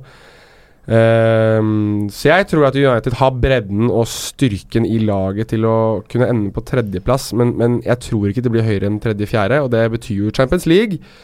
Ehm, men jeg tror at eh, Uniteds store sjanse hviler i, i, i cupene også i år, med mindre de overpresterer litt. Grann. De tabelltipsene her De reflekterer jo den sommeren vi har vært igjennom, bare for å si det. Det, Ja. er, det er jo ikke veldig optimistisk i en United-podkast å tippe at eh, de kanskje klarer tredjeplass, på en måte. Men, men det handler jo om at overgangsvinduet har ikke vært overveldende. Vi må bare stikke fingeren i jorda. Altså, Dalot er 20 år gammel og skal på en måte ikke spille fast på høyrebekken, og Lee Grant er tredjekeeper. Mm. Eh, Fred er en åpenbar forsterkning, men vi så i andre halvdel av sesongen eh, i fjor at det er flere plasser som må som må forsterkes. Eh, vi starter altså med to eh, 33-åringer på hver sin bekk, som Ja. begge har vært vinger, f.eks., for, Ja. for, å, for å begynne ett sted. Og Så kan du spørre deg, da. eh, Min kollega Anders eh, Serener syns jeg sa det godt uh, i sitt sesongtips for sesongen, at dersom Alexis Sanchez hadde kommet i sommer, så hadde antageligvis stemninga vært en helt annen. Ja da, den hadde det. Eh, og det var også mitt argument da han kom i januar, og da jeg sa i dette studioet at dette her er den sommersigneringa. Ja. Dette her er den største. Ja, ja. Så har det vært snakk om Bale og, og alt det der, men, men det viser seg at Sanchez er på en måte det siste stjernekjøpet. Og så er det på en måte et par brikker til som burde vært på plass. Jeg syns han burde hatt en back, og han burde hatt en, eh, en midtstopper. Det, det kommer jo antageligvis. Men ja, og også noe alternativ offensivt, kanskje spesielt på høyresiden der. Ja. uh, hvert fall hvis man har sett de preseason-kampene i United, så har det jo faktisk vært ganske bra bakover. Men det skjer ikke noe fra- framover. I hvert fall sjelden mot Bayern, f.eks. mm. Ingenting framover. Så tipsene er jo på en måte En ting er overgangsmarkedet, og det andre er jo den gleden Mourinho har spredd i sommer, som Ja. ikke på en måte smitter eh, så veldig. Men hva tror du, Ken? Jeg eh, tror også på en tredjeplass. Uh, og vil vel egentlig være sånn tålelig fornøyd med det også. Jeg tenker jeg tror det er ganske såpass lenge til vi kan utfordre om ligagullet. At man må liksom ta de der Champions League-plassene nå og bare jobbe med lag for hvert år. Så plutselig en dag så kommer det, håper jeg. Ken begynner å bli Arsenal-sporter, med andre ord. For, for å komme med et oppfølgingsspørsmål, da. United på tredjeplass. Isolert sett eh, så ser vi bort fra cuper og Champions League. Er Mourinho da manager neste sesong? Det spørs jo, tror jeg, på hvor mye Altså hvor mye mas i tillegg til eh, en helt middels tabellplassering han har klart å skape, da. Uh, vil jeg tro. Um, og så tror jeg også det vil komme an på hva som er alternativene. For hva er det per nå, liksom? Er det Zinedine Zidane? Er det han som skal inn og ta over det laget? Altså, Ja, jeg ser den. Jeg, hva, ja, det er ikke så mange å plukke opp som uh, har et bedre renommé. For han er på en måte nødt til å ta det her et steg videre. Han er i Ja. hvert fall nødt til å nå en kvartfinale i Champions League, og han bør jo snart vinne et trofé igjen. Mm. Uh, og så er spørsmålet hva gjør klubben, hvis han på en måte ikke tar laget videre nå? Nei, ikke sant. Det, ja, det lurer jo jeg også veldig på, fordi um, Tre sesonger med Mourinho og ikke et eneste steg fram, da tror jeg ikke han beholder jobb. Det ville vært Ja, han, veldig har- han har absolutt tatt de fram, vil jeg si, men, Ja, men ja, eh, han er til nå, nødt til å vise men- videre progresjon, for det kan Ja. ikke stoppe halvveis. Nei. Nei. Uh, ja. Hvis du kun ser på ligaen, hvis vi bare eliminerer det som er av turneringer, og tredjeplass i ligaen med det han har, da, med den skytsen han har, og de spillerne han har, så Hvis han ikke får ut mer potensial av det laget der, så, så Og det ikke er noen som helst bedring i, i spill eh, i måten de spiller på, hvis ikke det er flere mål, flere sjanseskap, mer entusiasme på Old Trafford, en, mer, en større giv blant supportere og, og innad i laget, så det kommer nok først og fremst an på hvem de kan hente, Mm. hvem som er tilgjengelig. Uh, sånn på stående fot så er jeg veldig dårlig på å finne Eller tenke hvem som kan komme inn uh, til neste år. Um, det er litt tidlig for min del å begynne på det nå, men, men ehm, jeg synes at det er ganske Det er, det er prov på at det er større problemer om bare treneren, hvis ikke José Mourinho kan få noe ut av Manchester United. Ja. Ehm, si hva du vil om mannen. Det er, en, det er et knippe på to, tre, fire trenere som ligger helt i toppsjiktet i verden. Uh, si hva du vil om Mourinho, han er der. Altså, Ja. Han er blant uh, topp fem i verden. Nesten uansett så er Mourinho der. Og da er bekymringene mine, og sikkert andre United-supporteres uh, bekymring, er vel det at det, hva er det som egentlig er feilen da, hvis ikke treneren, en trener som Mourinho kan det. Moyes var for fersk, van Hal var for gammel og kanskje litt utdatert. Mourinho skulle være the one. Altså det var, dette var han som skulle ta de opp igjen. Og han er kanskje også den mest perfekte mannen til å ta det opp igjen, med tanke på den prestisjen, den æraen, det å være i skyggen av Ferguson lite grann, da. Det er sånne ting som Mourinho elsker, for da kan han på en måte bare overgå alt det som han hele tiden har fått tredd over seg at han aldri kan overgå. Hvis ikke han klarer det uh, på noen som helst måte, så eh, da er det plutselig Kanskje det er eierskap, kanskje det er direktør Woodward som, som er problemet. Jeg vet ikke, men jeg tror da ikke at det kun ene og alene er trener. Og da tror jeg nesten ikke at du kan finne en trener med større og sterkere personlighet enn det mm, Mourinho har. Mm. Det er nok ganske sammensatt. Mm. Det er det nok. det, det er sammensatte greier. Det var det jeg egentlig prøvde å si, vet du. At, eh, jeg er bare ikke så god på å være kortfatta. Litt sånn småtteri helt på tampen her. Eh, hva syns dere om de nye United-draktene? Vi har begynt med svart shorts nå. Eivind, hva Ja, Lars Morten Olsen, redaktør i United-supporteren, går hardt ut til sin leder eh, og sier at eh, det her går ikke an. Eh, svart shorts på, på hjemmedrakta, det hører ingen steds hjemme. Nei. Jeg har Det er litt kjedelig. Jeg har ikke så veldig sterke meninger. Jeg var veldig opptatt av drakter da jeg var eh, mindre. Ja. eh, men skal jeg være ærlig, så syns jeg de ligner på hverandre år etter år. Jeg, jeg syns Ja, de det er litt det, mye av det samme, og klubbene har mye av det samme designet. Eh, Jeg blei vel ikke helt solgt av den drakta den sesongen her, men det blir jeg aldri. Jeg trenger liksom litt tid til å venne meg til det. Ja. Og så hjalp det veldig når jeg fikk se drakta med shortsen. Så kan du mene mye om svart shorts, men de stripene fader jo på en måte litt inn i shortsen, og da, da fungerer det greit. Jeg har større problem med den der eh, sponsoren på, på Ja, ermet. Caller-sponsoren. Ja, men det er jo mange som har begynt med sponsoren på ermet nå, så vi skal bare være glad for at det ikke er Angry Birds. Sånn som Everton. Ja, du vet hva som egentlig skulle vært her, ikke sant? Nei, hva da? Jo Tinder var jo det som var uh, rykta i fjor. Om at eh, Manchester United skulle Og så var det City som plutselig inngikk et uh, partnerskap Mm. med Tinder. Uh, men det var vel det som var vel den engelske vitsen, var vel det at um, United could be sponsored by Tinder and Luke Show wouldn't still get a match. er ikke Um, dum. Nei, jeg syns det var ganske kult. Uh, så så um, Callet det er jo veldig sånn nøytralt, da. Ja, ja da, men den er helt, Ja. den er helt grei. Jeg- Det jeg faktisk liker litt med den, at når jeg ser de i den nye drakta med den svarte shortsen, så syns jeg ikke det ser ut som Manchester United. Og kanskje ikke det er så dumt i år. vi, vi, vi, vi får se. Eh, Rashford har fått seg nummer ti, apropos drakt, det var vi inne på. Det er jo hyggelig, det. En uh, ung local led som får liksom det mest prestisjetunge nummeret. Han er jo nier, er han ikke det? Han er jo en klar nier, men han vil ha tieren, vet du. Og så har vi vel ikke noe tiere i det laget sånn som det er nå, så det er like greit at han bare tar den. Rooney, Rooney spilte med ti, da. Ja. Litt, an, litt annerledes spiller i mine øyne, men en stor tillitserklæring, da. Ja, Ja. Til det, eh, Marcus Rashford. Ja. Det er et åpenbart uh, signal om at eh, vi uh, har trua på det. Og så tror jeg det er sånne ting som, selv om det virker veldig barnslig, og et jævla tall har egentlig ikke noe å si, så vet jeg at spillere bryr seg veldig mye om sånne ting. ja. Så jeg tror Rashford er drita fornøyd med at han får lov å være Uniteds nummer ti. Kanskje det kan uh, smitte litt ut på banen. Ja, Så har det vært et draktbytte. Må ta med oss det i samme slengen. Ja. Dalot har da fått nummeret til Ole Gunnar Solskjær. Ja. Nummer 20. Noe som betyr at Sergio Romero går fra 20 til 22. ja. kanskje betydde mer for portugiseren enn for Romero. Jeg vet ikke. Det er jo eh, det er litt gøy å bare hvis, Mens jeg er inne på draktesamtaler og sånn, sånn at nummeret betyr mye for spillere Jeg vil bare skyte inn min favoritthistorie når det kommer til dette. Jeg skal være ikke veldig kjapp her. Da Ronaldo, altså gamle Ronaldo, brasilianske Ronaldo, signerte for Inter, Ja, så hadde han jo den historien med at eh, han var jo R9. At det var liksom Nikes store greie var R9, og, og Nike sponset jo Inter på dette tidspunktet her. Eh, og da var det en spiller før han som hadde hatt eh, Og de, de hadde da Umbro-drakter. Da spilte Ronaldo med nummer ti. Eh, så, ja, sånn var det. At han hadde hatt ti Inter, og så skulle bytte fra Umbro til Nike. Og siden han da var sponset så heavy av Nike, så var det en del av, av greia var det at det, da måtte Ronaldo ha eh, nummer ni.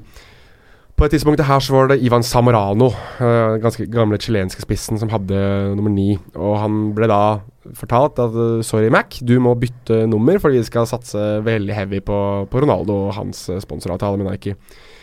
Og da eh, var Samorano ganske forbanna. Uh, Syntes det var ordentlig surt. Så da tok han nummer 18, og så valgte han å ta en sånn teipbit, mm. eller to teipbiter, og så laga han et plusstegn.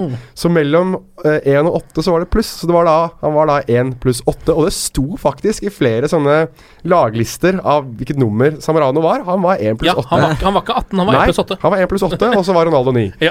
Så eh, dette med nummeret, det betyr eh, veldig, veldig mye Ja, for spillere. er veldig opptatt av det. Eh, ellers så kan vi også nevne at Chris Smalling har blitt veganer. Eh, så jeg synes det er litt gøy. Han har slitt veldig mye med kroppen, Chris Smalling. Eh, han har ikke syntes det har vært så lett å spise mat og sånn, når han blir så tung i cessen. Eh, men dama hans er veganer, nå har han også begynt med det. Går helt konge, er rapporten fra Smalling-leiren. Så det er noe positivt også. eh, Denne preseason er ikke bare dritt. Ok, Leicester, da. På fredag. Fredagskamp. Mm. Den aller første kampen i eh, Premier League i år. Um, hva tror dere, da? Det blir jo United-seier, liksom. Gjør det ikke det? det er ikke, vi er ikke så Det er så vanskelig, fordi det har vært, liksom, vært igjennom en lang sommer med VM og, og en lang oppkjøring med seks kamper og osv. Så, videre. Så er det liksom masse å snakke om, men sånn, når det kommer til Leicester-kampen, så liksom siver lufta litt ut av meg. Fordi Ja. det, er, det er liksom ikke noe Det er ikke noe formkurve for Leicester, eller Det er liksom lite ikke- å ta ikke så- Det er i. lite å ta tak i, men uh, i utgangspunktet så skal ikke Vardy eller Maguire spille. Det til, Så de også er jo redusert, uh, og så er det spennende å se hvilken rolle disse VM-spillerne som ikke har vært involvert for, da, med Pogba og Lukaku spesielt. Ja, fordi de er jo tilbake da og kan være i tropp, men kanskje ikke kampklare, er vel det som er tanken? Spiller sikkert 20-25 minutter. Ja, de er Ja. tilbake på trening begge to, og har, får jo nå en uke, men uh, uten å ha spilt en eneste match, så tror jeg ikke Mourinho kaster dem uh, rett utpå. Nei, så det blir en litt sånn reserveprega kamp fra begge sider, egentlig, pga. fotball-VM der. Mourinho sa det i første kampen mot Klubb Amerika at dette er eh, i utgangspunktet laget mot Leicester. Ja. Eh, så den fireren eh, Skal vi se om jeg husker den. Det var jo Valencia som er skada. Ja. Luke Shaw har ikke imponert eh, spesielt. Eh, Chris Smalling sliter med skader, og så mye Pais. Og Martial spilte jo på topp, og kjenner jo historien der. Så det lagetaket gir seg plutselig ikke sjøl lenger, da. Nei, nei, det blir jo faktisk veldig spennende å se hva slags lag de kommer til å stille med mot Leicester. Det er, jeg føler det er nesten helt umulig å spå. Ja. Det er sånn plutselig så starter Lukaku. Altså, man vet aldri med Man vet aldri. Nei.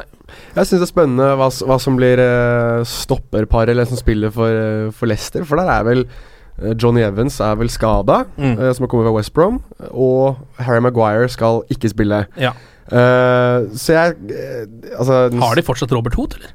Nei, han er vel for, for West, Morgan Wes er. Morgan skal jo spille, hva? Ja, ja, ja. ja. Så det blir uh, han og en eller annen. Ja. Uh, Er det ikke han uh, Nå står det helt stille, så nå burde jeg vært stille. Dragovic? jo, kanskje det er Ja. han. Dragovic Ja. er vel Ja. i klubben der. Dragovic og Morgan, ja. Ja, ja. Det, Mm. det, er, jo, et- det, det er jo et stoppepar, kan vi si. Det er det. Det er et, ja, Det er et stoppepar. Og så er det jo Ja. ingen Maris. Nei, Mahrez det er er jo verdt Ja. å nevne. Og så har de vel henta James Madison. Mm. Ja, som har vært uh, relativt god i preseason uh, etter det jeg har hørt. Um, jeg syns ikke det, det Leicester-laget der Altså det Ja, de er, de er spennende, og det er, det er en del nye Jeg, jeg syns Wilfred Ndidi eksempel, på midten er veldig, veldig spennende. Um, han rekker vel uh, Da Nigeria røk ut i gruppespillet, vel, så er jo han klar for den kampen. Så han er jo et monster på midtbanen. Så har de vel Inacho på topp, da, og så røket med Nigeria.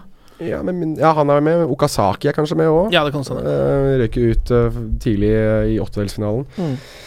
Så det er jo, det er jo et lag uh, som vi kjenner, da. Premier League-spillere som har- kan nivået og som vet hva som, hva som må til. Og så synes jeg Claude Poel er en ganske undervurdert trener. Jeg synes han er veldig veldig flink. Kanskje mer cuptrener enn enn serietrener, men jeg tror eh, Jeg tror ikke det blir så enkelt som mange håper på. eh, men eh, hvis United vakler seg inn til en 1-0-seier, så er det en Altså, det er jo en positiv start på sett og vis, da. Ja, ja, jeg tror bare seier i den kampen er viktig. Det har ikke noe å si. Ja, og det er som vi snakka om innledningsvis, alles øyne er retta mot United nå. Så Ja. det er rart å si det, men det er en, det er en sånn derre må vinne-kamp Ja. allerede i første serierunde. Jeg ser for meg det trykket som kommer til å bli hvis de ikke vinner den første eh, kampen eh, i Premier League. Jeg tror de tar den. Jeg er mest spent, veldig spent på Alexis Sanchez. Ja. Det, det, fordi at nå må han prestere, holdt jeg på å si. Altså det er, han er av såpass høy kaliber og så, såpass høy stjerne. eh, og nå har han hatt en endelig en sommer fri. Hvor, eh, selv om Han har hatt en sommer fri, men han har uh, vært veldig viktig på det å legge ut bilder av seg selv løpende på stranda i Rio de Janeiro og sånn, for å Ja. vise at han er i form. Ja, ja. Eh, så uh, om de får i gang han, så mener jeg Nå skal jeg være veldig forsiktig med å si det helt bastant, men jeg, jeg synes at Alexis Sanchez i toppform og i ordentlig slag er den beste spilleren i Premier League. Ja. Uh, og da har jeg regnet med Eden Hazard i, i beregninga her. Jeg syns han er Og Kevin De Bruyne for så vidt òg. Jeg syns Sanchez er Altså Han er helt enestående. Det kan jo være at jeg er litt partisk fordi jeg har fulgt han så å si hele karriereløpet hans også, men Nei, får United ordentlig utbytte av han, så, så snakker du en, en helt vanvittig fotballspiller som kan vinne kamper 1 alene. Det gjorde han jo for Arsenal. Vant jo kamper Ja. alene. Ja. Så, så hvorfor skulle ikke det gå i Manchester United? Tror det kan bli en fin kveld på Old Trafford. Ja, det er uh, flomlys Ja, ja, og seriestart. Fredagskveld, ganske fulle supportere. Det blir gøy, det. God stemning på, på Old Trafford. Mourinho har fått litt fri fra pressen. VM-spillerne er tilbake. Pogba og Lukaku på benken. Sanchez på topp. En formsterk Bailly i midtforsvar og nye Fred på midten. Jeg tror, jeg tror de kommer til å slå Leicester 2-0.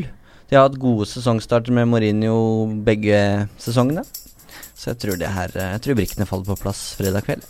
Vet du hva, vi håper det og krysser fingra. Glory, glory.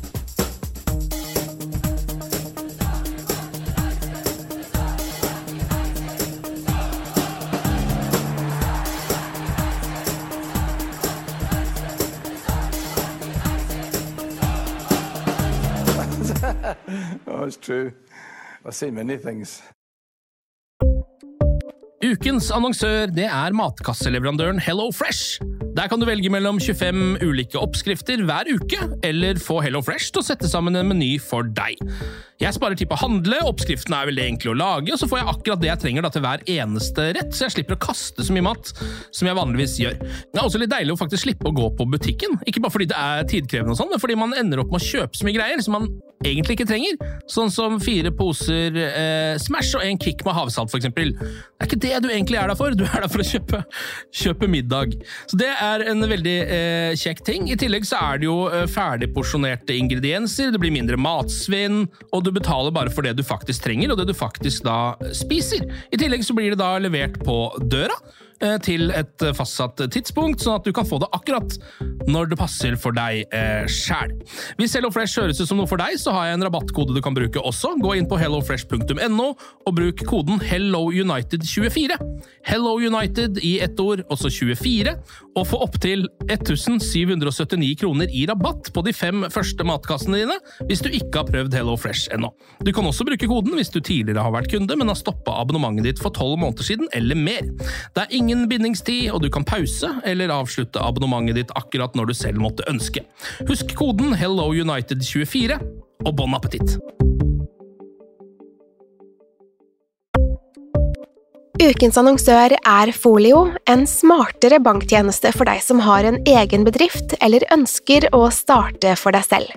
Folio er en superenkel nettbank for bedrifter. Som kunde i Folio får du en bedriftskonto med et bedriftskort og app. I denne appen er det smarte løsninger som forenkler regnskapet ditt, uansett om du har en liten bedrift eller et enkeltpersonsforetak. Folio er både intuitivt og brukervennlig, og er laget med et enkelt språk. I tillegg tilbyr de forutsigbare priser og ingen skjulte gebyrer. Skulle du likevel trenge det, så kan du snakke med deres raske og hyggelige kundeservice, og der får du prate med en faktisk person og ikke en chatbot. Folio er med andre ord både enklere og koseligere enn banken. Over 10 000 bedrifter har allerede valgt Folio som sin banktjeneste, så besøk folio.no og se hvordan Folio kan forenkle din hverdag også. Har du et enkeltpersonforetak eller en liten bedrift? Da er du sikkert lei av å høre meg snakke om hvor enkelt det er med kvitteringer og bilag i fiken, så vi eh, gir oss her, vi. Fordi vi liker enkelt. Fiken superenkelt regnskap.